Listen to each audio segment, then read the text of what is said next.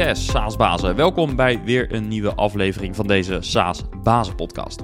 Mijn naam is Johan de Wit, ik ben de host van deze podcast en de oprichter van Noordhaven.io. We maken deze podcast om SaaS-bazen te inspireren om meer uit hun business te halen. En datzelfde doen we naast deze podcast ook in de community, de SaaS-bazen community, die je kunt bereiken via community.saasbazen.nl. Dat is een besloten omgeving voor founders eh, van SaaS-bedrijven of mensen met een C-level rol binnen een SaaS-bedrijf. En ga dus naar community.saasbazen.nl om je aan te melden. Als trouwe luisteraar heb je de software van Leadinfo al regelmatig voorbij horen komen. Leadinfo is een Nederlandse SaaS-oplossing waarmee je precies ziet welke bedrijven jouw website hebben bezocht. Het is dus een aanvulling op Google Analytics, waar je het gedrag van je bezoekers kunt meten. Maar met Leadinfo zie je dus precies welke bedrijven je website hebben bezocht. En dat kan je zelfs real-time zien. Daarnaast wordt er interessante informatie gedeeld over de bedrijven die je website bezoeken. En er zijn handige features zoals bijvoorbeeld mouse tracking of bepaalde notificaties als een websitebezoeker jouw website vaker dan één keer bezoekt. Kortom, ga naar leadinfo.com slash saasbazen om meer informatie op te vragen. Of kijk eventjes het webinar terug dat wij recent in samenwerking met Leadinfo hebben gegeven. Ga daarvoor naar saasbazen.nl en klik even op webinars. Het product van vandaag kun je best bijzonder noemen, om meerdere redenen. Ik ga praten over Closure en het nabestaande loket, opgericht door Graciella van Vliet, die samen met haar co-founder Chantal sinds een aantal jaren werkt aan een SaaS-oplossing in de uitvaartbranche.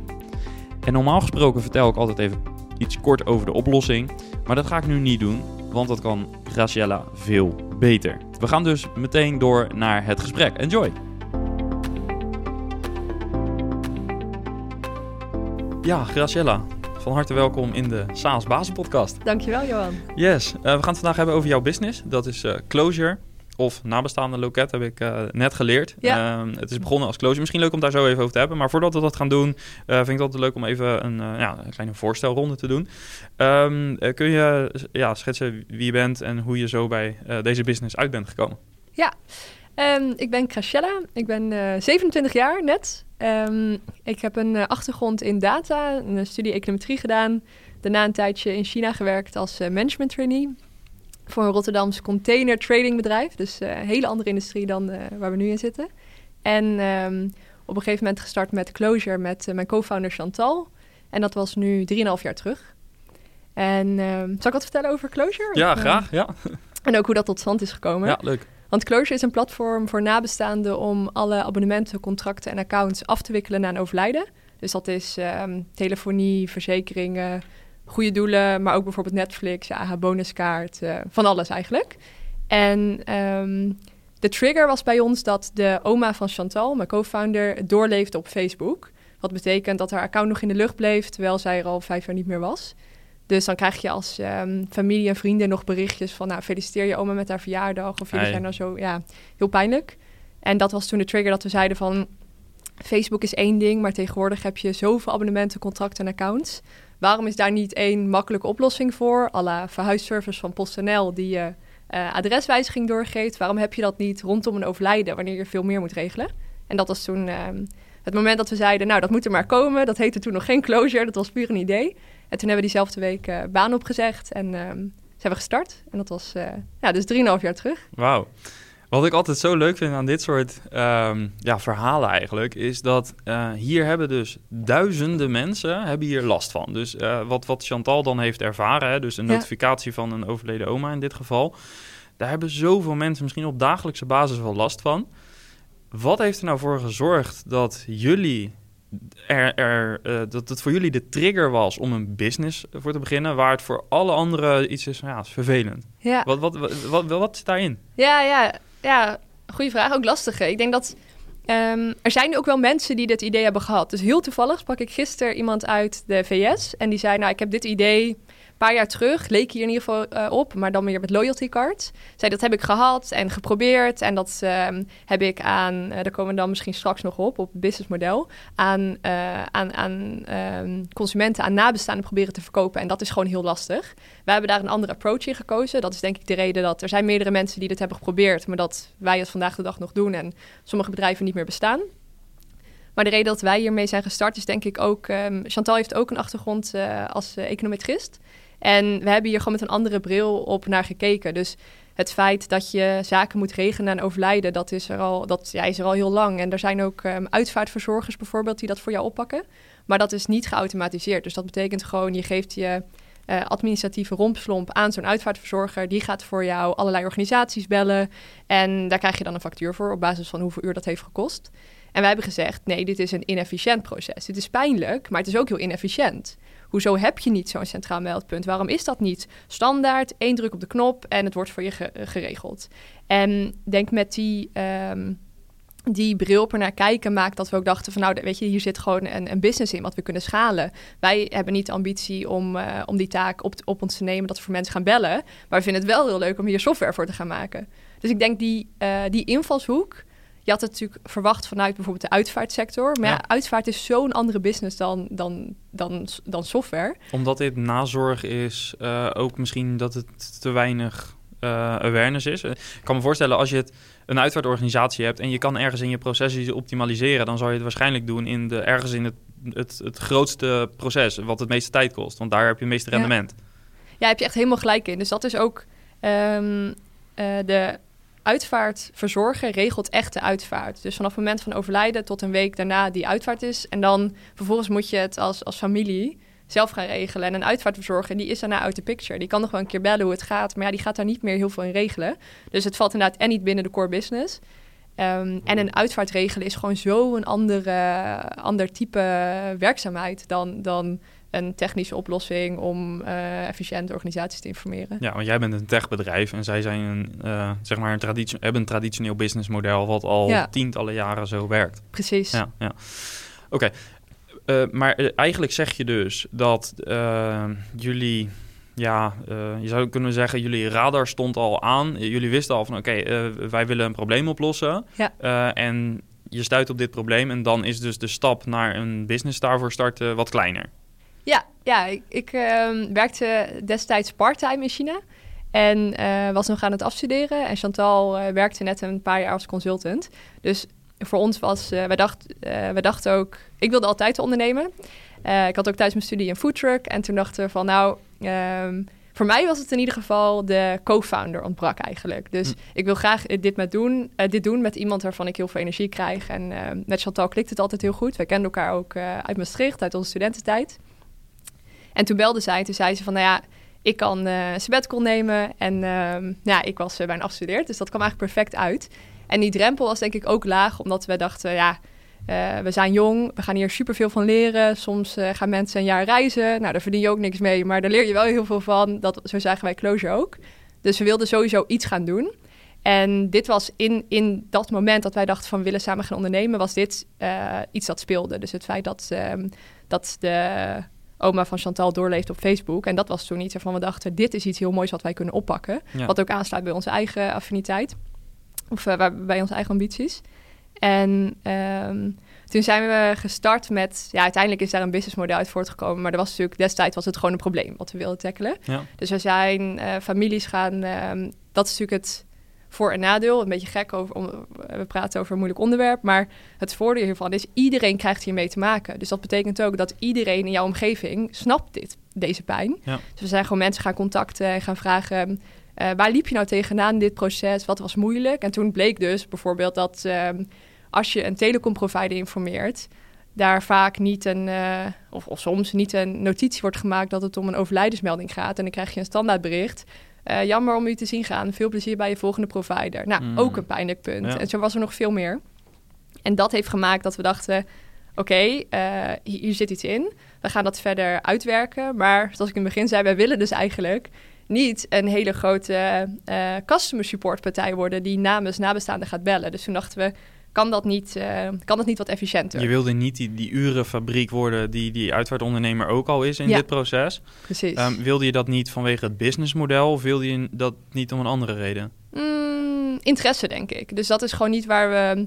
Uh, we vinden data en uh, techniek leuk. En ja, customer support bedrijf als gewoon niet hetgene. Kijk, als het niet anders kon, als dat hierbij hoorde, dat was de enige oplossing, waren we daarvoor gegaan. Maar wij dachten meer. Ja, is dat zo? Is het zo dat je zei van oké, maar ik wil dit probleem oplossen en we gaan een oplossing bedenken en uh, het liefst met software. Maar stel dat dat niet lukt, dan gaan we alsnog het probleem oplossen. Of zou je dan een ander probleem zijn gaan oplossen waar wel software voor inzetbaar was? Mm, ja, ligt uiteindelijk. Wij wilden starten met een. Um, vanaf dag één zeiden we al, uh, of ja, closure was het dan niet, maar we willen hiermee de wereld veroveren. Dus wij willen echt een groot bedrijf hiermee neerzetten. En dat kan ook met een customer support bedrijf. Eh, consultants uh, zijn ook, strategy consultants zijn ook hele grote internationale organisaties. En dat is ook een urenfabriek eigenlijk, dus dat kan nog steeds wel.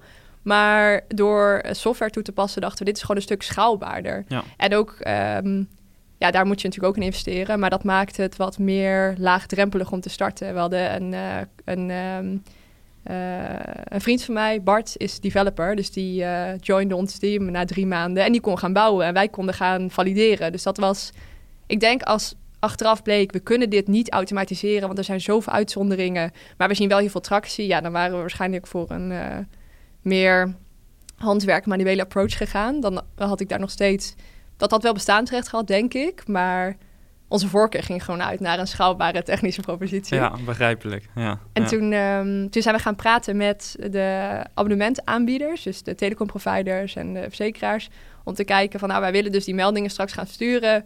Hoe gaan we dat nou makkelijk doen? Want anders moeten wij naar jullie gaan bellen en dan moet je weer terugbellen. En dat is dus uh, nou, misschien minder schaalbaar. En toen bleek dat daar een um, nabestaande desk zat. Dus speciale customer support gericht op het afwerken van overlijdens. Niet bij elke organisatie, maar wel bij een aantal. En dat maakte dat we dachten, hey, dat is interessant. Want we kunnen in plaats van een businessmodel bouwen rondom nabestaanden, wat je sowieso liever niet doet, kunnen we dat doen met die organisaties. Want als wij die meldingen efficiënter gaan sturen, wat dus ook past bij wat we leuk vonden, dan... Um, we hebben dit model misschien ook wel geforceerd. Ik moet zeggen, ik heb er nooit zo over nagedacht, maar nu het zo vraagt, denk ik... Ja, wij wilden gewoon heel graag iets doen met B2B en, en software. Maar misschien was het wel uh, veel harder uh, nog gevlogen als we een andere aanpak hadden gehad, resources anders hadden verdeeld. Maar we wilden dus die, uh, die kant op. En toen zijn we met een telecomprovider gaan praten. En daar hebben we eigenlijk een eerste pilot mee gedaan om te kijken van, nou, hoe kunnen we dat nou met elkaar afstemmen? En uh, is dat inderdaad efficiënter en is dat ook klantvriendelijker? Dan krijg je niet meer die berichtjes. Veel plezier bij je volgende provider. Ja, want eigenlijk zou je kunnen zeggen, als ik het goed begrijp, dat al zouden jullie een businessmodel hebben ontwikkeld rondom de consument, dan had je mm. moeten zeggen tegen de consument, je betaalt 200 euro, geen idee, ik noem maar een bedrag. Je betaalt 200 euro, daarmee regelen wij de rest. Dan wordt het door de consument gezien als kosten. En geld bij een consument is al wat lastiger natuurlijk dan bij een, multinational of een bedrijf waar je het nu over hebt. Uh, terwijl bij uh, een tele telecomprovider, als ze daar misschien 5 FTE kunnen uh, vervangen door software, dan is het daar eerder kostenverlaging. Dus, Precies. Dus, moet, ik het zo zien? Ja, ja dus het is inderdaad kostenbesparing bij zo'n organisatie, omdat er gewoon minder mensen nodig zijn om zo'n melding af te wikkelen. En ja, dat is misschien goed om dat iets verder toe te lichten. Want ik vond dat zelf, dat ging echt een wereld voor me open. Dat je dus bij uh, een verzekeraar gewoon 60 FTE, 60 fulltime man hebt zitten die op de nabestaande desk zitten. En bij een bank 150 FTE. En bij een telecomprovider nou, 10 FTE of 15 FTE. Dus dat is echt... Bizar. Die zijn de hele dag aan het bellen, mailen om uh, rekeningen en abonnementen af te sluiten. Ja. Uh, zeg maar te stoppen. Ja, ja, dat is echt ongelooflijk. Ook omdat er nog veel contact nodig is en het is complex en gevoelig. Dus dat zijn ook niet de korte telefoontjes. En je hebt vaak ehm, extra bewijs nodig, zoals een overlijdensakte. Want je wil niet dat de, dat de buurman uh, waarmee je ruzie hebt jouw abonnementen in één keer af gaat sluiten. Dus dat is best wel een um, intensief proces. En dat heeft eigenlijk dat businessmodel gedraaid. Dus in eerste instantie dachten we wel, nou, we gaan nabestaanden helpen. Meest voor de hand liggend is dat je daar dan een fee voor vraagt willen we liever niet, want dat is taboe. Uh, in de uitvaartbranche is dat al lastig, gevoelig onderwerp. En ook praktisch gezien, het zijn over het algemeen geen um, uh, returning customers. Want mensen maken wel een overlijden mee, maar gelukkig niet zo vaak Nee. dat je echt de, ja, de zaak, zeg maar de gemachtigde bent om dit soort zaken te regelen. Dus het is Plus ook het feit, hoe ga je ze bereiken? En hoe gaan ze jou Precies, vinden? ja. Dat betekent dus dat je 17 mil- miljoen consumenten moet gaan targeten. Nou, Ja, en al, precies. En ze komen niet terug omdat ze het zo fijn vonden dat we dachten, nou ik ga volgende maand weer closure gebruiken. Nee. Dus dat is ehm, ook marketing-wise, het is lastig. En hoe moet je mensen ook targeten natuurlijk? Het is een gevoelig onderwerp. Ja, want je kan niet, je kan, je, ja, ja, in theorie zou je, nou nee, dat is eigenlijk niet te doen. Nee, het Ja, je- sowieso, eh, moreel gezien kun je niet gaan bellen of benaderen op het moment dat er een overlijden is. Dat wil je eh, Nee. al helemaal niet. Daarnaast kan het ook, want je kan dat moment natuurlijk ook. Ja, het, het is sowieso, misschien eh, even kort bruggetje. Ja. Wij praten over deze markt alsof het, alsof het misschien een normale markt is. Ik weet Ja. ook niet, vind jij het een normale markt of niet? Want eh, eh, ehm, ik heb zelf een aantal jaren eh, ook eh, werk gedaan voor een uitvaartorganisatie. Marketingwerk, dus eh, wel te verstaan, dus heel anders. En dat is jaren geleden. Maar daardoor is de uitvaartmarkt voor mij heel normaal geworden. Ik merkte ook toen wij die afspraak maakten en Ja. zeg maar in het inlezen voor dit gesprek, ehm, vind ik het helemaal niet raar. Voor mij is het gewoon een business eigenlijk. Hoe plat het ook klinkt. Niet dat ik het. Ik, ik snap dat, er een, eh, dat het voor heel veel mensen natuurlijk wat bijzonder Ja. is, maar eh, ja, wij praten er eigenlijk eh, heel normaal over. Ja. Ehm, hoe, hoe gaat dat in gesprekken met mensen die daar geen ervaring mee hebben? Is dat een dingetje? Of? Ja, jawel. Ik moet zeggen, ik vond dat zelf in het begin ook. Want drieënhalf jaar terug, ik wist helemaal niks van de uitvaartbranche. En ehm, het blijft een lastig onderwerp. Ik moet zeggen dat ik dat nu ervaar ik dat niet meer zo. Ook omdat wij wat verder na het overlijden zitten. Dus eh we helpen families, maar dat is vaak... ehm, de uitvaart is achter de rug, de meeste zaken zijn al geregeld. En dan, ja, je kan dingen heel zwaar maken. Maar dat kwam ook uit dat onderzoek voor naar voren. Dat interview, de interviews die wij deden met, met nabestaanden. Van, je zit ook niet te wachten op dat iedereen, ook organisaties die je moet informeren, jou stuk voor stuk vertellen, gecondoleerd met, eh nou, met verlies van je dierbaren. Dat heb je al gehad. En je wil nu, eh, niet voor iedereen, hè, sommige mensen hebben daar wel behoefte aan. Maar dit is ook gewoon een administratief stuk waar je gewoon eigenlijk helemaal niet over na wil denken. Nee. Dus wij staan daar wat verder van af, denk ik. Ehm, en omdat je natuurlijk dagelijks mee bezig bent, is het gewoon, ja, het is, het is ook gewoon eh, mijn werk in dit Ja. geval.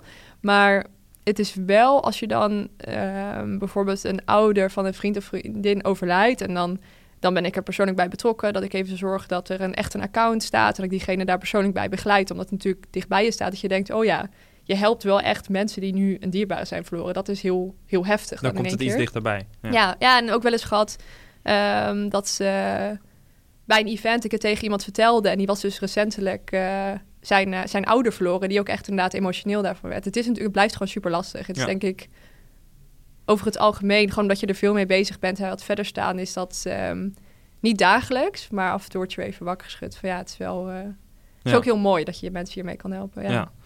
Ik heb hier het gesprek echt gigantisch mee onderregeld, want we zaten helemaal in het businessmodel, dus sorry Nee, ik daarvoor. niet uit, kleine sidetrack. ja, ja. Goed. In ieder geval, het ging dus over het businessmodel. Eh, dus uiteindelijk heb je dus gezien van ja, bij de consument, dat is om, in, om genoeg redenen dan ook, eh, is dat niet waar we na- naartoe moeten. Hoe lang heeft dat geduurd voordat je dat inzicht kreeg? Mm, heel kort. Ik denk dat vanaf dat wij zijn gestart, dat dat wel binnen drie tot zes maanden zijn we helemaal omgegaan. Omdat we ehm, dus met die telecomprovider zijn gaan praten. En toen dachten we, ah, die hebben een nabestaande desk. Oh, maar als zo'n telecomprovider het al heeft, dan moet zo'n verzekeraar of een bank of een nutsbedrijf het al helemaal hebben. En dat bleek dus zo te zijn. En dat was ehm, ook lastig om te valideren, omdat die, eh, de sales cycles met zo'n grote corporate duren ongelooflijk lang. Zeker als je een kleine jonge starter bent zonder enige track record. Dus dat ehm, is iets. eh, daarom zei ik van ja, misschien hebben we dat geforceerd. We dachten, we gaan dit gewoon proberen. En dat duurde maanden voordat we zo'n samenwerking hadden. Ehm, maar dat is wel het startpunt geweest. En uiteindelijk wordt het natuurlijk steeds makkelijker. Hoe meer partijen je ook aan je sluit, hoe, hoe meer anderen bereid zijn mee te gaan. Dus dat was onderdeel ervan. En tegelijkertijd zijn we, eh raakten we in gesprek met een grote uitvaartverzekeraar. En dat is ook natuurlijk een belangrijk ehm, kanaal. Dus we ehm, werken enerzijds samen, daar kan ik straks iets meer over vertellen, met de abonnementaanbieders zelf. En anderzijds met de uitvaartorganisaties, omdat zij gewoon direct met een familie aan tafel zitten. En dat een heel logisch moment is om te zeggen: hey, de uitvaart is nu geregeld, je moet nog veel meer doen. Daar kunnen we je bij helpen. En dat is ehm, sinds één jaar is het nu. eh, we hebben heel lang eh, was eigenlijk de focus, ons enige product, een opzegdienst. En inmiddels is dat ook wat breder met. ehm, hoe doe je nou aangifte erfbelasting? Hoe bepaal je wie de erfgenamen zijn? Eh, hoe verdeel je je inboedel? Dus dat is nu een wat breder pakket met gewoon allerlei zaken die je moet regelen na een uitvaart. Dus dat zijn de twee manieren waarop wij ehm, nabestaanden bereiken. En dan qua businessmodel koopt een uitvaartorganisatie onze dienst in en biedt dat eigenlijk standaard, gewoon als onderdeel van de service aan, aan ehm, tijdens de uitvaart aan de, aan de nabestaanden. En anderzijds ehm, werken we met die uh, abonnementaanbieders. En nu, ja, voor je beeldvorming, daar zijn vaak uh, afhankelijk van het type organisatie. Dus bijvoorbeeld een financiële instelling is wat lastiger. Er zijn dan normaal zes contactmomenten nodig om het af te wikkelen. Dus iemand belt, dan uh, vraagt zo'n customer support medewerker om de juiste documenten. Moet je weer opsturen. En... Is dat bij jullie uh, of is dat bij nee. de consument? De, ja. Bij de consument heb je, uh, zijn er gemiddeld zes contactmomenten? Ja, ja zonder dat wij ja. daartussen zitten. Ja. Dat was... Um, zo komt dus ook daar 150 FTE of zo'n nabestaande des terecht. En dat doen we nu, um, van die zes contactmomenten maken wij één contactmoment omdat we gewoon first time right, dus compleet met alle informatie, zo'n melding aanleveren. En zij daar niet meer in om hoeven te kijken. Dus daar um, per melding die wij sturen, krijgen we daarvoor een fee van zo'n organisatie. Dus zo hebben we uiteindelijk aan de voorkant een businessmodel en aan de achterkant. Waar je dus als nabestaande, uiteindelijk is de gebruiker, blijft de nabestaande, maar daar niet iets uh, voor betaalt. Ja, oké. En, en dat is uiteindelijk dus, uh, je hebt aan twee kanten heb je een verdienmodel. Um, aan de kant van um, de organisaties, die, die, de abonnementaanbieders, is het, het de kostenbesparing met name. Ja. Zo zal het gezien worden. Uh, bij de uitvaartondernemer uh, is het een aanvullende dienst, zou je kunnen zeggen, een service. Mm -hmm. um, nu ken ik de markt natuurlijk ook inderdaad een beetje. Dus je hebt uh, Jarden, Monuta, Dela, de, ja. de grote drie in Nederland. Daarnaast heb je nog denk een, een, een, paar wat grotere familiebedrijven, hè, ja. regionaal vaak. Mm -hmm. uh, en heel veel uh, ja. kleine zelfstandigen. Uh, nu kan ik me voorstellen dat het om tractie te krijgen in zo'n markt, eigenlijk wat je net zei bij die abonnementaanbieders. Je wil ja. op een gegeven moment, als je, ik weet niet of ik naam moet noemen, maar laat het gewoon doen. Ja. Stel je hebt KPN mee, dan is het ook makkelijk om T-Mobile en de andere ja. mee te krijgen. Hè? Kan ik me zo voorstellen. Klopt. Uh, is het ook zo dat je, als je uh, jullie, jullie, strategie er ook op gericht, dat je bijvoorbeeld naar een van de grotere partijen gaat en zegt van oké, okay, als we daar een hele goede deal kunnen maken, ook al is het uh, voor een wat lager tarief desnoods, maar dan hebben we ja. tractie, dan, dan sluit de rest van de organisatie ook meer aan. Of begin je daar juist bij de ZZP'ers, zodat je daar um, wat meer volume gaat draaien, wat, ja. wat meer verdeeld is. Wat is daar uh, de beste aanpak, denk je? Of... Bedoel je aan de uitvaartbranche of aan de... Ja, aan de uitvaartkant, zeg maar. Ja. Bij, dus, dus, begin je bij de grote namen of, of begin je ja. wat meer bij de, de longtail, zeg maar, de, de kleine ZZP'ers. En wat is daar de strategie een beetje in? Ja, onze strategie is um, geweest de kleintjes, juist. Omdat mm -hmm. we... Uh, bij de corporate kant konden we er niet omheen dat dat de grote partijen zijn. Dat zijn inderdaad de KPN, T-Mobiles uh, van deze wereld. Dus dat is ja, een, kleine organisatie, heeft heel weinig klanten en ook dus weinig overlijdens. Dus dat maakt geen sens. Uh, dus dat waren lange sales cycles. Daarom hebben we specifiek ook om dat te balanceren aan de uitvaartkant gekozen voor die uh, 2000 um, zelfstandig eigenlijk, om daarop te richten. We hebben ook, moeten wel zeggen, eerlijk gewoon bekennen, hebben we natuurlijk ook geprobeerd die grote te benaderen. Die zeiden van, uh, dat duurde veel te lang en die waren daarin um, destijds in ieder geval 3,5 jaar terug niet de eerste, niet te happig. Dus we zijn gaan richten op die kleine. Um, omdat dat gewoon, uh, ja, je, hebt één afspraak, je legt uit hoe het werkt. En uh, twee weken later maximaal weet je of dat iemand ermee gaat starten. Maar dat is wel, um, we hebben heel veel geprobeerd van kunnen we dit slim doen? Kunnen want wij... dat moet je dus wel schaalbaar doen. Want dat betekent dus van de 2000, als je er daar een, ja. een, een, een, goed volume in wil draaien, moet dat wel zeg maar vrij low touch zijn. Want je wil niet met iedereen een uur bellen en een demo geven, denk ik. Of gebeurt dat, dat wil wel? je niet, maar dat gebeurt wel. Oké, okay, ja, ja. Ja, ja. dus ik kan straks iets vertellen okay. over de teamsamenstelling. Okay, dus dat is echt heel intensief. Ja, de acquisitiekosten uh, zijn daarin ook relatief hoog ten opzichte van dat, het feit dat het kleine partijen zijn. Ja. Maar dat, dat, um, dat maakt deze branche, het is ook wel leuk, maar je kan daar gewoon niet omheen. Dus nu inmiddels wel, sinds corona. Destijds hebben wij geprobeerd, kunnen we niet een videocall doen? Kunnen we niet bellen? Kunnen we niet via een brancheorganisatie, een ja, webinar? een groepsverband, ja. Ja, iets ja. in het ja, een groepsverband inderdaad. Zou je, zou je daar iets um, minder, uh, min, ja, zeg maar minder, uh, je moet echt persoonlijk langs. Zou, je er wat anders kunnen doen? Bleek heel lastig te zijn. En uh, dus we hebben alles. Wij hadden we hebben een team met um, salesvertegenwoordigers die het hele land doorreisden. Het is nu namelijk wat anders.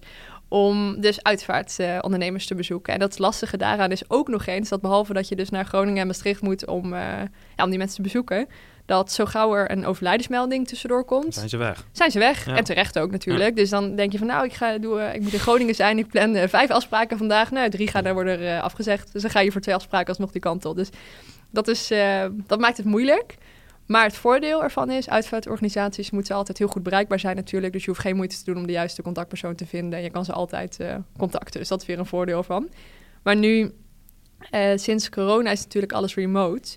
Waardoor ook die uitvaartorganisaties hebben moeten switchen. Want die, ja, de meeste hadden wel e-mail, maar in ieder geval geen camera of, uh, of laptop en nog nooit Zoom of Meet gebruikt. Dus nou, dat uh, was even een drempel. Maar je merkt dat dat heeft drie weken geduurd. En inmiddels, elke uitvaartverzorger doet gewoon lekker met ons een videocall. Dus dat scheelt echt zeeën met tijd om Ja. niet meer het hele land te hoeven door te reizen. En natuurlijk beter voor het milieu. Dus dat is, Ja. ja, dat, dat heeft... ehm, gewoon een stuk, ja, het is super erg. Maar dit is een van de, van de positieve dingen die we eruit hebben gehaald. Van nou, Ja. dat scheelt gewoon ontzettend veel, eh, veel onnodige reistijd die je hierin kwijt bent. Ja, en misschien dat de meetings aan zich ook nog korter zijn. Hè? Want in een eh, meeting eh, Ja. online heb je vaak toch iets minder social talk en dat soort dingen. Dus het, eh, ik denk dat het in meerdere opzichten denk best een, eh, in ieder geval veel efficiënter maakt. Ja. Eh, qua tijd eh, is het ook, eh, eh, ja, meten jullie ook hoeveel deals jullie eruit halen? Dus is jullie Ja. conversie op die gesprekken wel hetzelfde gebleven? Of? Ehm,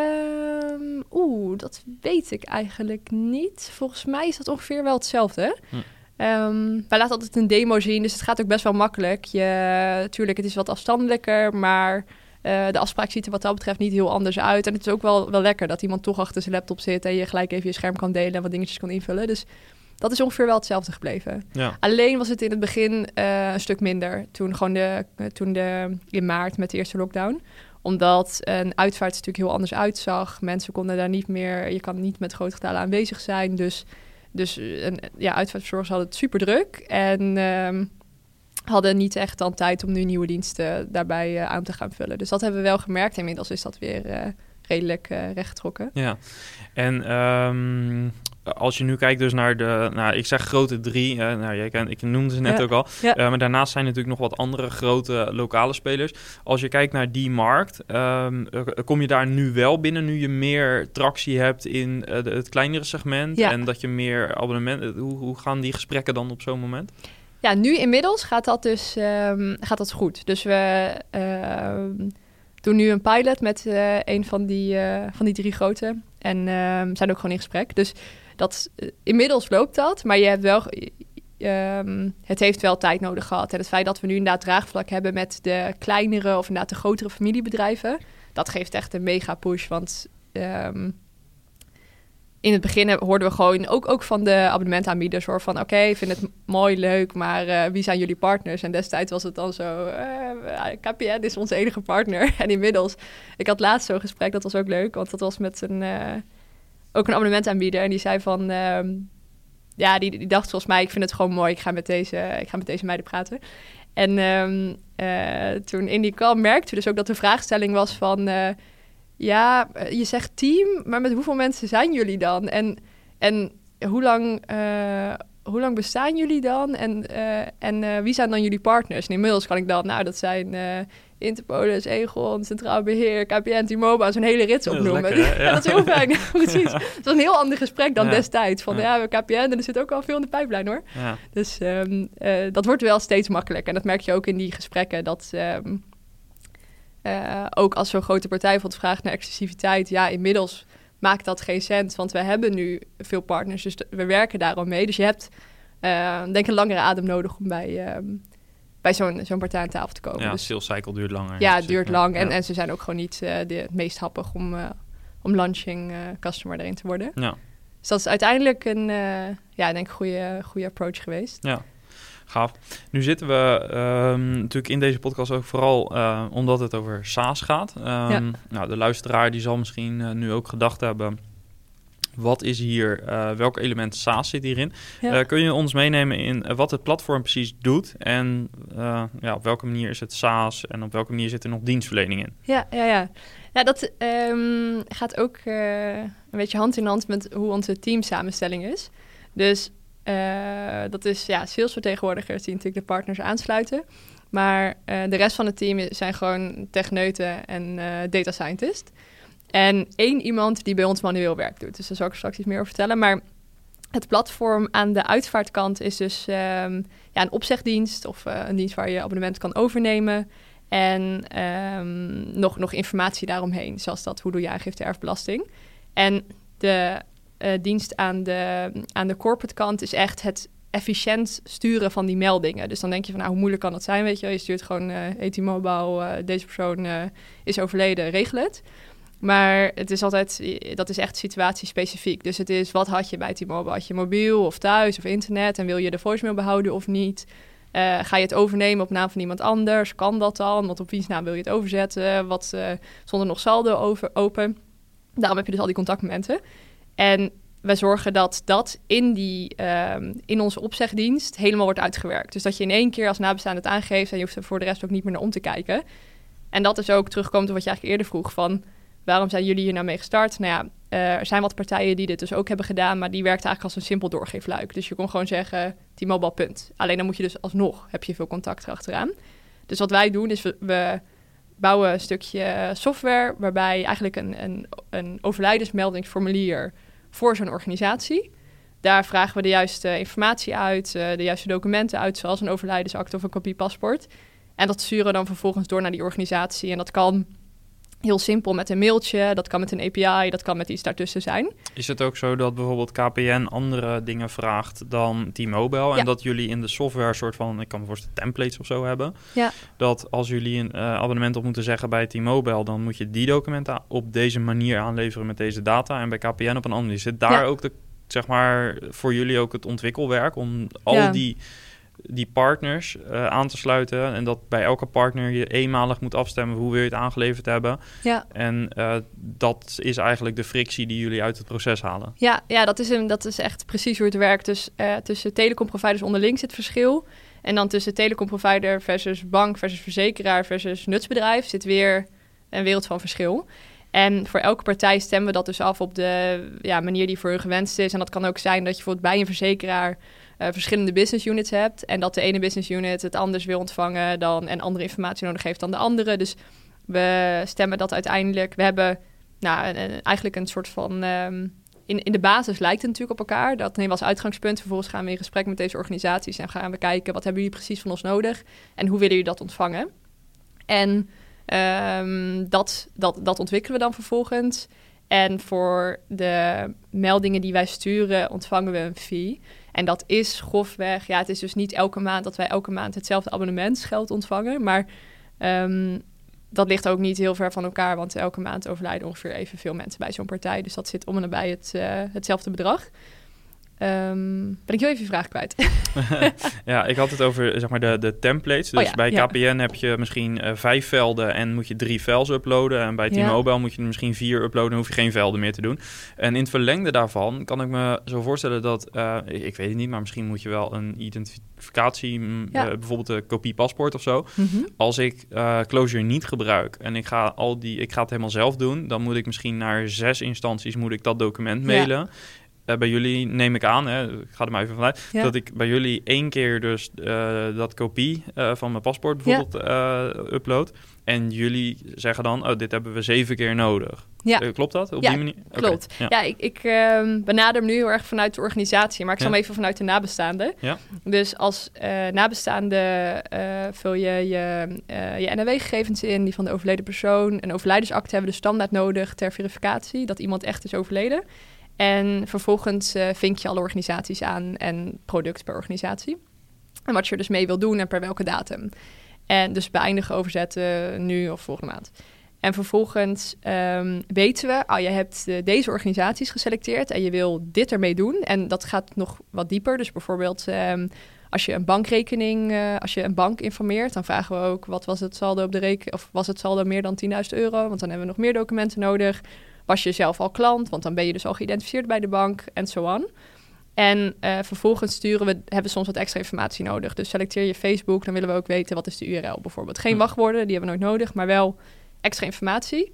En dat sturen we door naar organisaties. En vervolgens um, kan het zo zijn dat bijvoorbeeld een partij vraagt van... oh, ik heb ook nog een verklaring van erfrecht nodig. Nou, die hadden wij dan waarschijnlijk al, sturen we meteen door. Dus dat merk je als... En dat is het manuele werk, zeg maar, uh, nog? Um, dat, dat als zo'n organisatie zegt van oké, okay, ja. maar we hebben toch nog wat extra's nodig. Nou, dat is um, waar ik eigenlijk het meest trots op ben. Dat ik ook het leukste daar kom over. Uh, een van de leukste dingen is, uh, we hebben dus één, um, ja, operationele support collega die het handwerk nog doet. Dus hij doet hij behandelt de telefoon, de chat, e-mail en alles wat dus inderdaad niet dus automatisch wordt verwerkt.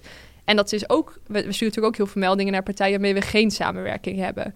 Dus dan kan, we willen wel een compleet aanbod hebben voor nabestaanden. Maar we hebben niet een integratie met die organisatie. Dus dan zou je zeggen, is ook nog wat handwerk. Daarvoor gebruiken we dus um, machine learning toepassingen. Dus we gebruiken bijvoorbeeld um, uh, natural language processing om te zorgen dat wij krijgen mailtjes terug van organisaties. En daarin staat dan, uh, we hebben het beëindigd. Of, uh, oh, we hebben toch nog uh, deze en deze informatie nodig. Of deze klant stond niet in het systeem. Dat dat bij ons automatisch, dus um, door deze machine learning toepassingen gelabeld wordt. Dus dat we weten van, oh, oké, dit gaat dus blijkbaar om een bevestiging. En dat dat direct in het dashboard, dat hebben we nog niet verteld, maar een nabestaande heeft een dashboard en daarin kan je gewoon de status volgen. Van nou, ze zijn blijkbaar in gesprek, closures in gesprek met, met deze organisatie of het is afgerond. En daardoor kan dus, uh, we sturen nu ongeveer duizend uh, meldingen naar organisaties per dag. En dat doet uh, al het handwerk dat daarbij komt kijken, inclusief dus het, het ja, klantcontact, doet één iemand. Dus dat is echt heel erg geautomatiseerd. Hoe, hoeveel zou iemand zonder de tool kunnen doen?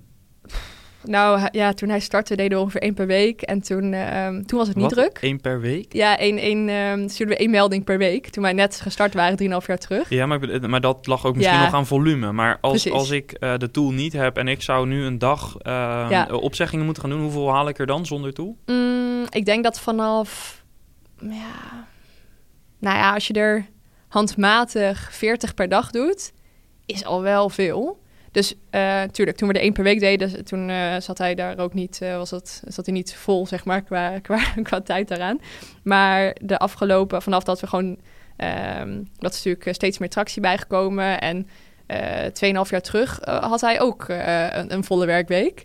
En nu, sindsdien, zijn we gewoon lekker verder door aan het groeien. En hij zit steeds vol. Dus het is zo'n constante afweging van jongens, we moeten even tijd allokeren op de roadmap. Want uh, qua, qua back-office zitten we... Zitten, Jochem is onze uh, customer support medewerker. Dat is ook een KPI bij ons. Het aantal Jochems moeten we op één houden. Ja, precies. Nee, ik wou net zeggen, want ik kan me voorstellen dat als je... Uiteindelijk is het dan een soort van balans zien te vinden. Dus je software ja. moet dermate meeschalen qua intelligentie en qua Klopt. verwerkings kracht um, met het aantal dossiers wat je op een ja. dag wil doen. Zodat je op dezelfde FTE's kunt blijven. Ja, we zitten nu echt heel erg uh, aan de max. Dus we hebben nu ook um, andere teammembers die ook uh, operationeel bijspringen okay. af en toe. Omdat dat... Uh, nee, heb je helemaal gelijk in. Hm.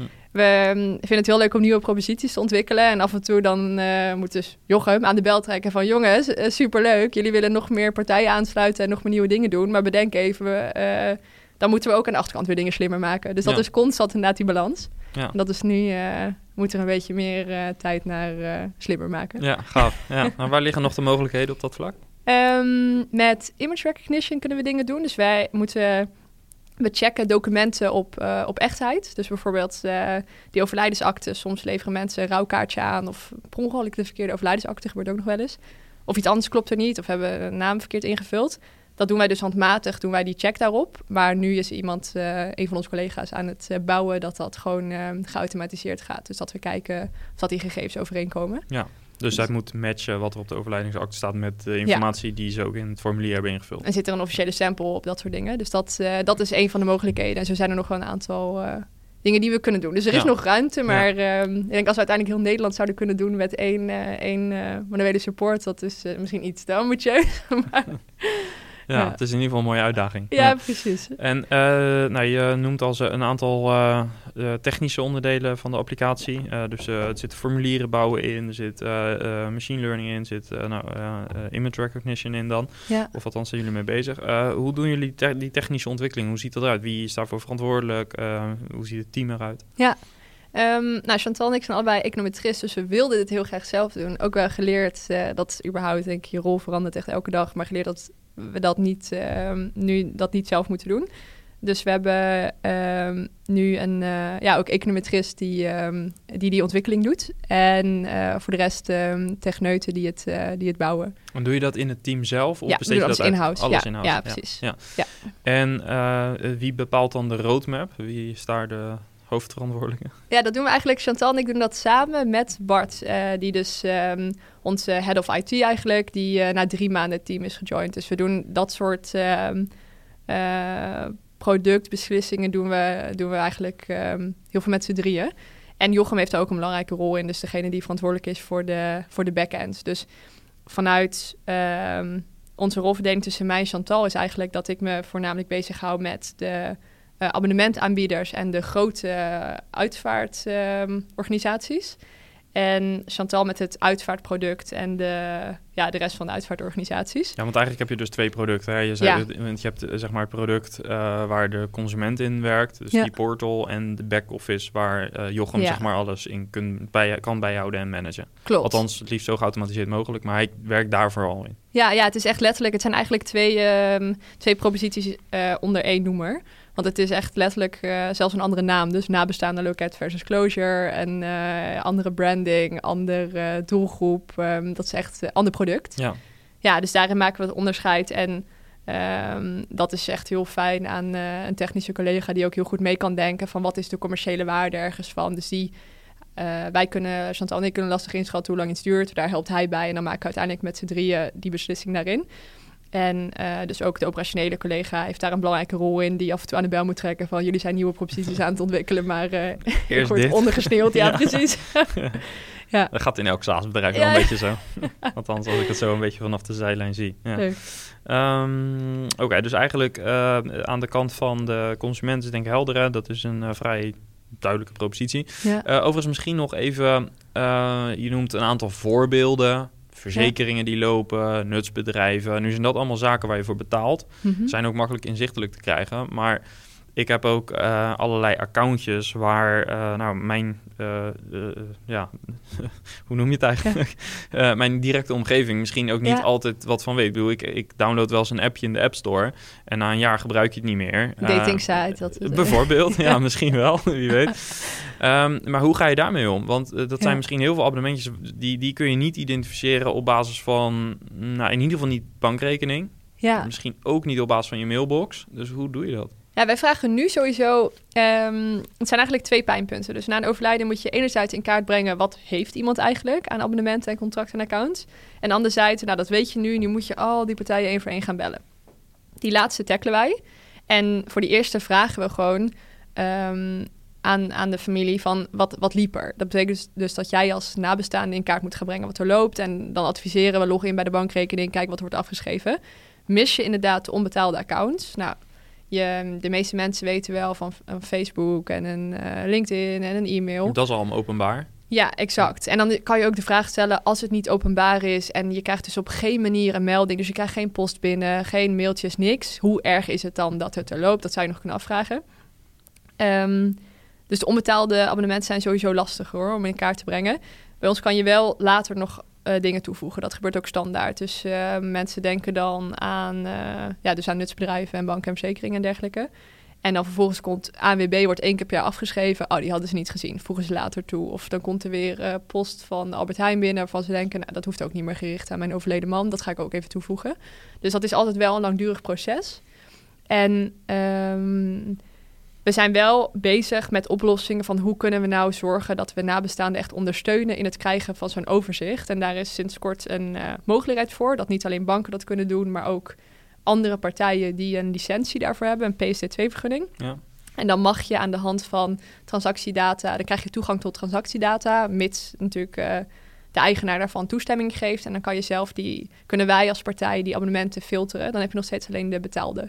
Dus ja, je kan uiteindelijk met webscraping zou je ook accounts kunnen vinden online. Maar het lastige is als jij eh, Jan Jansen heet, ja, welk Facebook-account hoort er dan bij? Dus dat zijn nog wel ehm Ja, dan kun je niet dingen. zomaar eh, Ah, nee. aanvragen gaan doen om eh, te verwijderen. Nee, Ja. precies.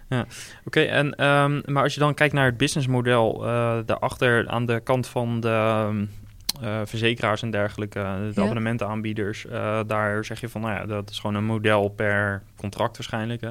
Mhm. Ehm, bij zo'n uitvaartorganisatie kan het dus betekenen dat eh, ehm, ja, hoe, hoe gaat dat businessmodel eigenlijk? Want daar eh, spreek je dan een vast bedrag af? Of spreek je een bedrag af per opzet? Hoe, hoe werkt dat? Want het kan dus zijn dat iemand na, een, uh, na negen maanden na overlijden of langer nog... Uh, dat ze dan inderdaad nog een keer gebruik maken van jullie dienst. Nu heb je een hoop geautomatiseerd, hè? dus het is niet direct heel veel impact misschien op de business... maar Klopt. toch zal dat op maandelijkse basis misschien nog wel een paar procent van jullie resources vragen. Hoe ga je daarmee om? Ja, nu, nu hebben we dat niet. Dus het is gewoon, um, tenminste niet een soort van modulair model. Het is gewoon, je betaalt een vast tarief en daarvoor regelen we het. Um, vaak ligt het nu rond de 20 organisaties die iemand selecteert. En er zijn uitschieters dat, dat inderdaad, uh, dan zie je in één keer uh, dat iemand 85 organisaties heeft geselecteerd. Dat komt wel voor. Dus nu levelt dat een beetje uit. Eigenlijk net als een verzekering. Het spreidt zich gewoon uit en gemiddeld ja. zitten we goed. Um, maar daar zouden we uiteindelijk wel, wel naartoe kunnen gaan. Nu houden we het gewoon zo simpel mogelijk. En uh, ook omdat het, zeker aan de uitvaartsector, is die, uh, het informeren van organisaties is een heel belangrijk onderdeel. Maar dat is inmiddels echt een heel nazorgpakket. Dat is zoveel hm. meer. Ja. Dus um, daarvoor betalen ze gewoon een vast bedrag. En naarmate ze meerdere accounts inkopen, gaat dat per account, is gewoon een staffel, gaat het ja, wat omlaag. Ja. En dat is begonnen als een uh, abonnementsmodel. Dat ze gewoon dan zeiden van nou, je, je doet... Uh, uh, 300 uitvaarten per jaar. Nou, dan kom je op dit bedrag per maand. En dat hebben we eigenlijk omgezet naar een, um, een niet-SaaS-model omdat we natuurlijk als jong bedrijf wil je gewoon zoveel mogelijk liquiditeit hebben. Dus we hebben aan die organisaties uh, wat al liep gevraagd: wil je dat niet een jaar vooruit betalen? Krijg je een beetje korting. Uh, en vanaf nu doen we gewoon alles met een jaar vooruit. Dus dan ben je eigenlijk heb je een soort van jaarlijks abonnementsmodel. Ja. Waardoor je gewoon qua, uh, ja, qua liquiditeit... technisch is Precies. dat fijn. Ja, ja zit je dan beter. Ja, oké. Okay.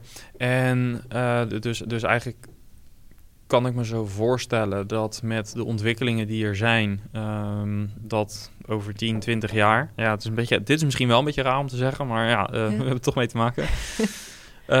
ik denk dat jij en ik normaal gesproken meer abonnementen hebben dan uh, nou ja, de opa's en oma's, zeg maar. Uh, ja. we, we, heel veel SaaS-oplossingen die we al gebruiken, maar ook allerlei abonnementjes hè, van, voor uh, mobiliteit en, en, dat soort dingen. Ja. dus uiteindelijk kan ja. ik me ook voorstellen dat het volume alleen maar gaat toenemen. Ik denk het ook. Uh, momenteel zien we nog niet heel veel verschil. Omdat het zal je verrassen dat inderdaad de jongere generatie heeft meer online accounts. Maar de oudere generatie die hebben, zitten bij de Bridge Club. En die hebben allemaal loten en uh, heel veel goede doelen die ze steunen. Dus die hebben, het is meer een ander type ja. abonnementencontract dan dat het heel erg uiteenloopt. Uh, we zien wel dat um, mensen die bijvoorbeeld in een verzorgingshuis zitten, die hebben weinig, omdat er gewoon veel is afgesloten. Dat zie je wel. Maar ik denk dat je helemaal gelijk hebt hoor. Want tegenwoordig, uh, mijn oma heeft ook Facebook. En dat, die trend zie je natuurlijk. Er worden steeds meer diensten worden op basis van, uh, van abonnementsvorm. Ja. En ja, er komen gewoon... Je ziet echt elke partij maakt die switch. Dus dat wordt alleen maar groter, denk ik ook ja. hoor. Dus wat dat betreft natuurlijk... Ja, zitten we goed dat, we, dat de dienst ook relevanter wordt in dat opzicht. Ja, precies. Maar dan zijn we waarschijnlijk wel... Uh, een paar jaar verder. Je ja, loopt natuurlijk achter de feiten aan. Precies, dat, uh, gelukkig ook maar, want het zou betekenen dat anders uh, de, ja, de, ja, de jonge mensen eerder zouden overlijden. Klopt, dus, uh, precies. Dus, ja. Oké. Okay, um, even over jullie team. Je hebt al nou, wat namen genoemd. Um, ook aangegeven hoe de verdeling ongeveer is. Um, dat co-founderschap met Chantal. Jullie hebben dus beide dezelfde achtergrond. Ja. is dat ook soms... ik denk dat het heel fijn is omdat je dezelfde taal spreekt. Maar is het ja. ook niet soms lastig dat je bepaalde invalshoeken misschien mist? Ja, ik, um, het is sowieso grappig, want in een voorstelrondje er nu altijd... dan is het van wie gaat eerst, jij of ik? Want het staat toch precies hetzelfde en daarna gewoon copy-paste. Dus uh, precies dezelfde achtergrond. En um, je merkt wel, in, qua persoonlijkheid lijken we niet op elkaar, zijn we heel anders. Dus dat, dat helpt, denk ik. We zijn um, qua skills minder complementair, qua persoonlijkheid wel. En dat vult zich ook aan met de rest van het team. Dus waar wij ook meer, denk ik... Uh, heel erg in, uh, in mogelijkheden denken. En zie je dat soms iemand anders wat meer op de rem gaat. Van oké, maar hebben jullie hier wel over nagedacht? Dus dat is goed. En we hebben ook qua, uh, qua we hebben investeerders aan boord die een complementaire skillset hebben aan ons. Dus, um, en wat zijn dat voor zaken? Um, een uh, ondernemer met zijn eigen marketingbureau. Dat is uh, ook interessant, want um, jij vroeg aan het begin, zeg je closure. nou, dat mensen dachten dus, denken wel dat wij closure heten. Ons eerste logo was een, een cirkel die de C vormde, waar dan uh, loser nog naast stond. Dus mensen dachten dat we loser toen heten. Dat was ook niet een hele goede zet. Dus dat, um, Uh, dat is iets complementairs. Uh, en een vrouwelijk tech-onderneemster. Nou ja, gewoon zij is heel ervaren en dat helpt uh, natuurlijk ook heel erg. En een um, voormalig CEO van een verzekeraar. Dus qua netwerk is dat ook bijvoorbeeld super fijn. Dus we proberen ons wel, ons team, of onszelf in ieder geval ook als founders aan te vullen met en een team enerzijds en anderzijds bijvoorbeeld investeerders of adviseurs of ja, mensen die een andere invalshoek hebben. Want klopt, we uh, zitten vaak op één lijn, we kunnen makkelijk schakelen, maar je mist daardoor ook alweer uh, aspecten. Dus, ja. Als ja, je, als je één skill aan boord zou kunnen halen in het founding team, wat zou dat dan zijn? Dus, dan, dus, dus echt, echt uh, ja. in de daily operations. Dus niet de externe investeerders, maar echt in het team. Oeh, ja, dat is echt een hele goede. Um, nou, ik denk eigenlijk dat wij, we hebben ook geen uh, marketeers binnen ons team. Dat we eigenlijk op marketingvlak de meeste steken laten vallen. Omdat je, uh, ja, onze, onze kennis zit er ook gewoon niet. Dus wij doen heel veel, ja, wel, wel sales. Marketing ligt natuurlijk dicht bij sales, maar dan B2B sales. En ook daar, op dat vlak, denk ik, doen we het best wel straightforward. Er zijn waarschijnlijk ook slimme dingen te bedenken. Ik denk dat dat de meest ontbrekende skill nu is. Ja, en, um, en bijvoorbeeld, uh, ja, de techneut die ons team uh, heel snel eigenlijk heeft gejoind. Die heeft daar ook gewoon een hele belangrijke rol in. Is niet uh, dan co-founder, maar denkt wel op echt een heel, heel actief niveau mee. Ja. Dus dat was heel belangrijk geweest. We hadden niet, ik denk, ja, het kan wel, maar in ons geval, ik ben super blij dat we iemand hebben die zo, zo erg betrokken is. Die, met de, ja, die technisch onderlegd is, omdat het gewoon, ja, we maken software. Dus ja, dat is wel een, um, die hebben we ook wel echt nodig. Ja. ja. En wat is voor jullie de grootste bedreiging?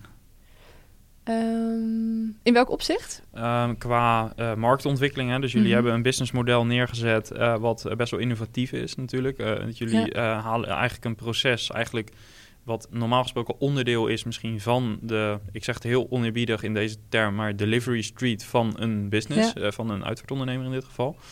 Uh, dat halen jullie er eigenlijk helemaal uit. Mhm. Um, maar ik kan me voorstellen dat er ook altijd bepaalde ontwikkelingen kunnen zijn die het jullie lastiger kunnen maken. Eh, Ik zie vooral veel kansen, laat ik dat Ja. vooropstellen. En Ja. jij denk ik ook. Maar uh, er zullen misschien ook zaken zijn waarvan je zegt van die hou ik wel met extra veel aandacht in de gaten. Want dat kan iets doen met ons businessmodel. Ja, nou, ehm, wat echt de meest gevaarlijke is, maar die is wel onwaarschijnlijk, is dat de overheid hier een rol in zou spelen. Omdat je nu, ehm, na een overlijden, wordt dat gemeld bij basisregistratie personen. En dan wordt vanuit daar worden overheidsinstanties, dus Belastingdienst en gemeente en dergelijke, eh, geïnformeerd. En heel de private sector, dus nou, al die andere partijen nog niet. En dat doen wij. Mocht de ehm, overheid, en er zijn ook bijvoorbeeld verzekeraars die daarvoor pleiten. Want als je bijvoorbeeld een overlijdend eh, of een uitvaartverzekering hebt en mensen weten daar niet van, dan is dat natuurlijk super jammer. En je wil gewoon dat bedrag uitkeren. Dus um, er zijn uh, bijvoorbeeld pensioenfondsen en zorgverzekeraars worden weer wel geïnformeerd door de overheid, nou de rest niet. En als zij daar een rol in zouden pakken, dan zou dat eigenlijk ons volledig concept weghalen. Dus dat is, maar goed, dat zie ik op korte termijn niet echt gebeuren. Um, wat wel is, we hebben een soort van geluk nu dat er niet echt concurrenten zijn. Ook buiten Nederland heel weinig. En zeker niet met uh, dezelfde go-to-market als wij hebben. Maar dat is, daardoor zijn we ook niet um, uh, opgewassen. Misschien tegen, uh, tegen als er straks een sterke concurrent zou komen vanuit de VS met een echt een hele goede funding. Dan is dat denk ik wel een risico. Dus we hebben ook wel de urge van we moeten echt snel. Want nu is het allemaal leuk en schattig in Nederland. Maar als je echt de wereld wil veroveren, we zeggen. Um, uh, becoming the centralized party for handling one's digital legacy.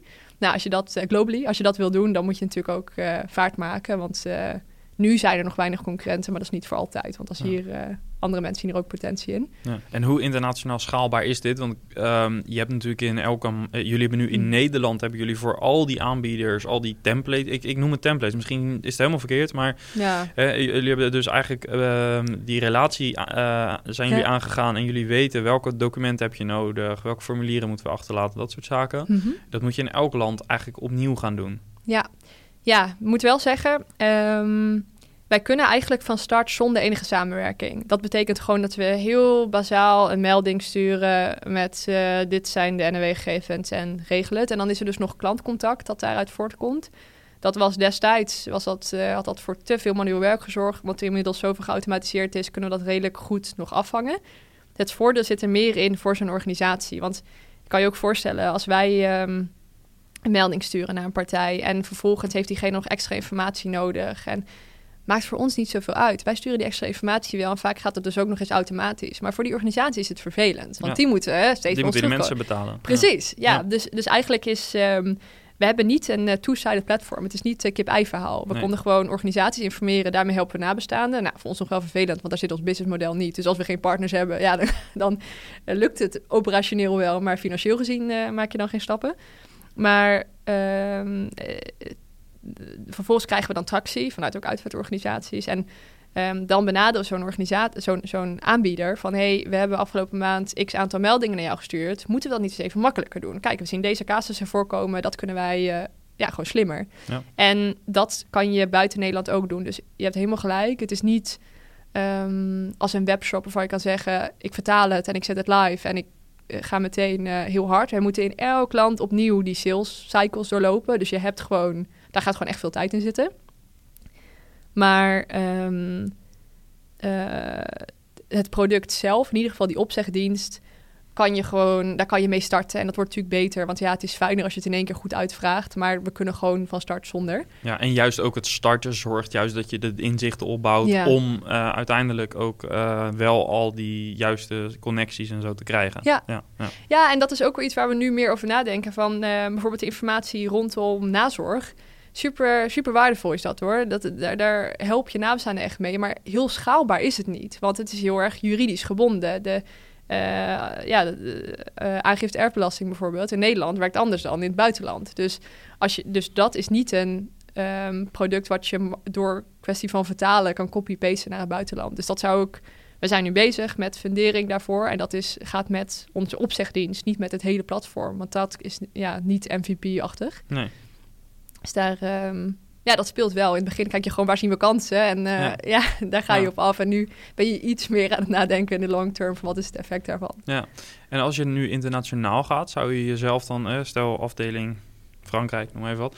Zie je jezelf dan in Frankrijk meer als salesorganisatie of als tech-organisatie? In Frankrijk specifiek denk ik meer als salesorganisatie, omdat we de tech in Nederland zouden houden. Ja. Um, en het daar inderdaad vooral op sales aankomt. Ja. En dat hebben we ook wel zeker in deze in de uitvaartbranche. Je moet de lokale taal spreken, denk ik überhaupt handig bij sales, maar daarin al helemaal. Ja, dus eigenlijk jullie schaalbaar, jullie internationale strategie zal meer rusten op een goede sales. marketing- en salesstrategie. Ja, ja. En minder op de techniek, omdat je dat al hebt staan. En dat maakt niet uit per land, want nee. dat is zeg maar uh, overal wel hetzelfde. Ja, precies. Ja, interessant. Ja. ja, het is vooral naar de sales die, uh, waarmee je moet, dan moeten opschalen. Ja, ja, En, wat, en wat customer support in lokale taal. Ja. Maar, um, Gaaf. Ja. Uh, genoeg uh, kansen dus uh, naar de toekomst. Ja, we zeiden wel eens in het begin dat je echt ook gewoon qua businessmodel hoor, grapte van je krijgt bijna whiplash omdat je dan, oh je kan die kant op en dan zegt iemand weer iets anders wat interessant is of dan kom je weer iets tegen en dan wil je het volgende oppakken. Is, um, ja, de kunst zit hem waarschijnlijk in het afwijzen van uh, opportunities in plaats van ze aangrijpen. Ja, ja, dat is vaak ook zo. Als je eenmaal bezig bent, dan krijg je zoveel mogelijkheden ja. en kansen. Uh, dan is het prioriseren daarvan uh, misschien nog wel belangrijker ja. dan het allemaal uitwerken. Ja, ja klopt. Um, ja, we gaan een beetje naar het eind. maar ik ben nog wel even benieuwd naar... je hebt gestudeerd, verschillende um, internships gedaan... en uiteindelijk ja, als je zo'n studie gaat doen, dan uh, kun je eigenlijk uh, alles in de hele wereld hè, uh, op dat vlak. dus je kunt alle kanten op. Je bent nu als ondernemer actief in de uitvaartbranche. Dat, ik kan me voorstellen dat dat niet bovenaan het lijstje stond. Nee, dat omdat dat gewoon niet een markt is waar je heel snel aan denkt. Hè.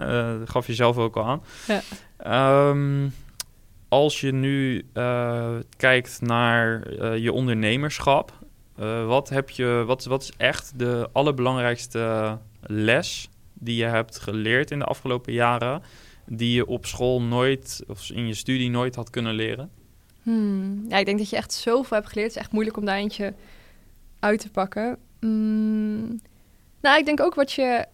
Ik heb zelf in ieder geval ook heel erg geleerd wat ik leuk vind. Dus uh, ook op de middelbare school, ik vond talen leuk en biologie en wiskunde. En nou, gewoon echt heel breed. En ik merk nu um, binnen Closure, ik vind het heel leuk om dingen te bouwen. Dus echt om nieuwe dingen neer te zetten. Betekent ook dat je in je team dus moet zorgen dat je mensen hebt die de puntjes op de i kunnen zetten. Als je vooral de grote lijnen leuk vindt. En ook bijvoorbeeld um, dat managen me heel veel energie kost. Dus hm. als je dan denkt, nou, je vindt bouwen leuk en En managen ook leuk. En we zijn een kleine organisatie, dus wat manage ik nou stelt ook weinig voor. Maar wel gemerkt dat het, al, dat het me al energie kost versus iets neerzetten. Dan moet je me echt wegslepen, zeg maar, omdat ik heel graag mee door wil gaan. En dat is denk ik... Ehm, uh, ja, geeft ook heel goed aan van wat, zou je nou ook, weet je al, als next step ooit willen doen. Ik, als je heel graag wil bouwen, moet je denk niet bij een grote... We doen zaken met corporate, superleuk, maar daar moet ik niet gaan zitten. Want daar ga je niet heel snel nieuwe dingen bouwen. Wij bedenken iets vandaag en volgende week, of, of ligt aan hoe groot het is, staat het er. En dat is, um, ja, denk wel iets wat ik, waardoor ik beter snap welke dingen ik leuk vind, welke dingen me energie opleveren en ook welke dingen me dus energie kosten. Dus ook in schaalbaarheid. Um, het idee, we gaan naar het buitenland en daar nieuwe dingen neerzetten. Super gaaf, heel veel zin in. Um, de komende, ja, de rest van mijn leven, of in ieder geval de komende twintig jaar in, in um, Nederland, als het team up and running is, uh, daar de boel draaiende houden. Nou, niet waarschijnlijk hetgeen wat ik ga doen. Dus dat is iets wat ik, maar dat is meer over mezelf voor wat ik heb leren, heb geleerd. En doe eigenlijk heel weinig momenteel met econometrie. Echt uh, zo goed als niks. Ik wist niks van het salesvak. Ik doe zelf dan nu vooral de sales. En daar echt ontzettend veel in geleerd. Wat je, ja, dat heeft echt niks met mijn studie te maken. Dus ik denk, studie is meer... Als ik denk wat ik... De vraag, als ik me om mag draaien, wat heb je er wel aan gehad? Is het denk ik... Um, analytisch vermogen en discipline. En dat uh, ja, komt nu wel van pas. Maar echt skills inhoudelijk super weinig uh, ja. wat ik nu gebruik. Komt hopelijk wel weer een keer. Ik vind het wel een leuke studie. Maar uh, ja. ja. het komt nu gewoon niet echt aan bod. Alright. Um, ik vraag uh, aan het eind ook uh, welke vraag zou ik aan de volgende gast moeten stellen. Oeh. Welke was dat? Uh, welke van deze vragen was van de vorige? die komt er nog aan. Oh, dat okay. is de volgende. Ja. Um, even kijken, welke moet je stellen aan de volgende? Um, ja, ik weet niet wat het van toepassing is, maar in een volgende, wat is je grootste uh, advies uh, met betrekking tot, uh, tot internationale schaling? Is nu al iets wat ik super interessant zou vinden. Maar dat zal dan waarschijnlijk voor één van de volgende zijn. Uh, nee, ik ga hem echt aan de volgende oh, okay. SaaS-baas stellen. Nou, ja. dus je gaat het antwoord uh, later krijgen oh, in de podcast. Het duurt natuurlijk een paar weekjes, ja. maar uh, je gaat het antwoord krijgen. Oh, ik ga hem zeker terugluisteren. En ik heb natuurlijk ook een vraag van de vorige gast die ik aan jou mocht stellen. Ja. Um, waarom zou je langer dan acht uur op één dag werken? Hmm.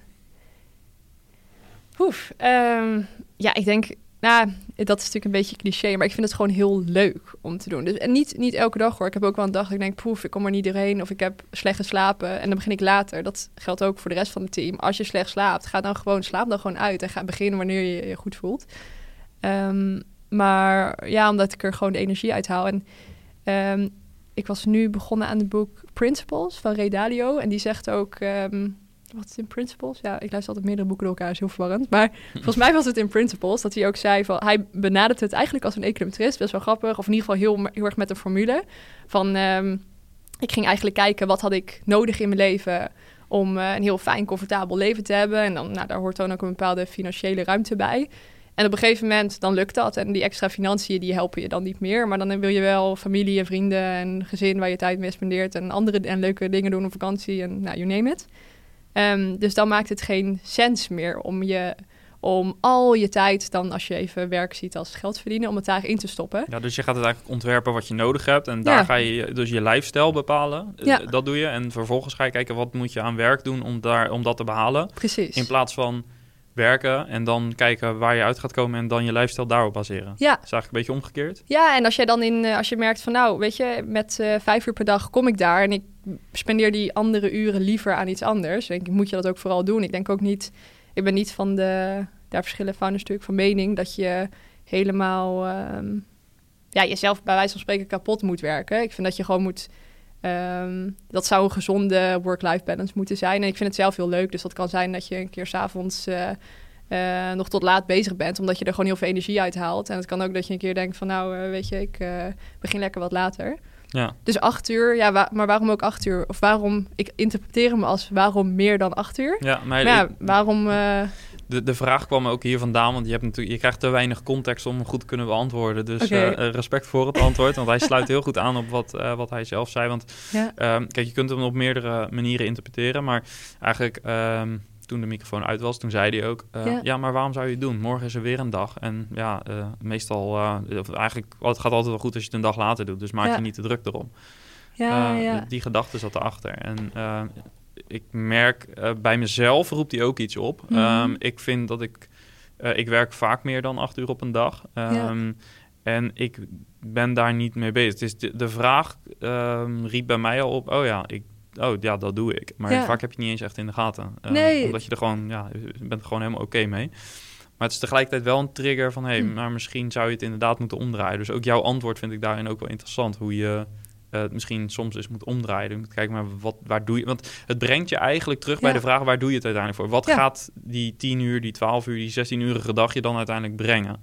Beter dan wat je er nu mee doet, zeg maar. Dus, Ja, en af en toe vergeet je dat denk ik ook wel. Dus wat jij net weer zei van ja, eh, ehm, eh, of de, de- wat je quote eigenlijk van als je, je kan het ook morgen doen, de wereld vergaat niet. Dat vergeet ik zelf ook wel. Dat je denkt van, oh nee, ik heb vandaag gewoon in mijn agenda gezet. Het is deadline, ik ga dit afmaken. Terwijl, ja, inderdaad, kan ook morgen, prima. Dus je, het is wel goed denk ik om erbij stil te staan. Ehm, hoewel je dat eigenlijk dus niet doet, omdat het zo, zo vanzelfsprekend is. Ja, en voor mij, ik ben, ik ben altijd, eh, zeg maar, dan weer bezig. Ja, denk van, ja, het is Ja. ook wel, eh, je hebt veel discipline nodig. Ja. je gaf net een van de twee dingen die je ook eh, uit je studie hebt gehad.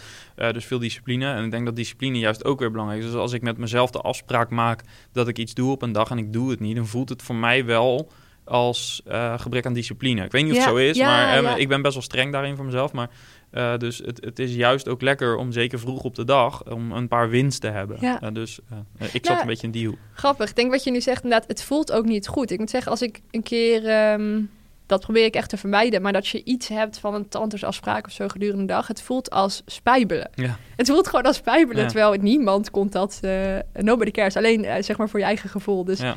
ehm, ja, ik herken wel echt wat je zegt. Ik moet zeggen, wat is, ehm, eh, waarom, je zegt van, nou, ik maak ook meer dan acht uur per dag. Waarom, eh, waarom doe je dat? Is het door de, of nee, ik wil niet, ik zal het niet invullen. Ik ben een slechte interviewer. Overvraag. Oh, maar dat geldt voor mij ook zo vaak, joh. nee, ik denk dat voor mij... Ik ben sowieso slecht in plannen. Als in dat ik al jaren weet dat je 60% van je tijd moet plannen... en de rest Ja. open moet laten. Oké, ja. Maar ik blijf heel naïef gewoon 100% van mijn agenda blokken. Elke dag. Eh, dat doe ik nog steeds. Eh, ik heb zelden een lege, een lege plek in mijn agenda. Eh, terwijl je hem hebt juist, Mm. ja, 40% van je tijd gaat op aan management dingen die je niet kan voorzien. eh, teamleden die je aandacht vragen. eh, klanten die er opeens tussendoor komen. eh, een interview wat je een uur plant of drie kwartier. En we zitten er al ruim overheen. Oeps. ik loop zo vaak met dat soort dingen uit. En eh, ja, dat is, ik, ik ga dat gewoon niet leren volgens mij. Dus, dat, dat, dus dat is een deel. Ja, en een ander deel is dat ik... Mag ik daar ook- iets over vragen? Ja, Dus dan- zeker. ja. Dus dan ehm, is het niet dat je dingen doorschuift. Dat betekent gewoon, nou, je zit al helemaal vol en er komen dingen bij. Nou, dat betekent dus dat ga het ook eh, nog doen. langer ja, duurt. Ja, klopt. Ja, ja, Ik heb eh, eh, een, een, zeg maar een VA, dus die eh, beheert mijn mailbox, mijn agenda. En zij zegt zeg maar elke week, zegt ze één of twee keer, dat ik te veel inplan. En dan haalt zij weer dingen uit mijn agenda. En ondertussen ga ik het toch doen. Want ik heb een soort van, nog een soort van schaduwagenda in mijn iPhone. ja, ja. Eh, waarvan ik dan denk van ja, nee, maar dat, dat ga ik ook gewoon nog wel lukken. Dat gaat me nog wel lukken vandaag. Dus ik werk mezelf vaak in de nesten. Maar als ik het niet doe, dan ja, ik, ik wil gewoon heel veel gedaan krijgen. En ik, ik, ik, ik zit daarin, ja, eigenlijk altijd mezelf eh, leg ik nog wat meer Mm. druk om, om toch dingen gedaan te krijgen. En ik, ik denk dat het, eh, ik, ik vertel het nu ook aan je ja. dat dat niet zo goed is. Maar ik denk diep van binnen heb ik het nodig. Want anders had ik het al lang eh, Ja. echt... eh, dus je kan zeggen van ja... Ik, Hoe belangrijk vind je het dan om het aan te Anders passen? had ik het echt wel aangepast. Ja. Dus het, het, het is ook ergens wel verslavend om elke dag weer aan het eind van de dag te kijken van ja, ik heb die vijf dingen die ik wilde doen zijn weer gelukt. gelukt. En ja, ik, ja dat, daar ga ik wel goed op. Ja. Ja, ik snap wat je zegt. Het is ook een beetje verslavend. En je gaat dan ook, ehm, als je het dan eenmaal afrondt, lekker met een voldaan gevoel die avond in. En Ja. als je nog iets moet doen, dan denk je, ben je er toch over nadenken. En denk je, nou, ik kan net zo goed meteen afronden. ja, Dan, gewoon eh, fixen. Ja, precies. Leuk. Nou, mooi eh, om eh, mee af te sluiten. Bedankt voor het inkijkje in jouw, ja, ik vind het toch gewoon een SaaS-bedrijf. En, Semi-saas, ja. Ja, precies. En ja, bedankt voor het delen van je adviezen en inzichten. Ik heb je vraag genoteerd. Die gaat naar de volgende SaaS-baas. En eh, binnenkort dus eh, ook te luisteren. En eh, ja, ik ga je volgen. Ja, thanks. Thanks voor het leuke gesprek. Yes, dank je. Yes, en dat was dus weer een gesprek. met heel veel interessante inzichten voor SaaS-bazen die ook een soortgelijk platform willen opzetten. Hopelijk heb je er iets aan gehad. Wil je zelf ook in contact staan met andere SaaS-bazen? Meld je dan aan via, voor de community via community.saasbazen.nl. En kijk eens ook eens op de website saasbazen.nl. Daar staan onder andere de recordings van webinars die wij in het verleden hebben gegeven. Waaronder webinars over sales, over integraties en bijvoorbeeld over lead info, zoals je in het intro hebt kunnen horen. Goed, tot slot. Ik vind het altijd heel gaaf om te lezen wat jij als luisteraar van de podcast vindt. Dus voeg me even toe op LinkedIn als je ideeën, suggesties of feedback hebt. Of laat natuurlijk een review achter in de podcast-app die jij graag gebruikt. Op die manier kan ik ook weer zien wat jij als luisteraar graag wil horen en wat we kunnen verbeteren. Voor nu weer bedankt en tot volgende week. Ciao.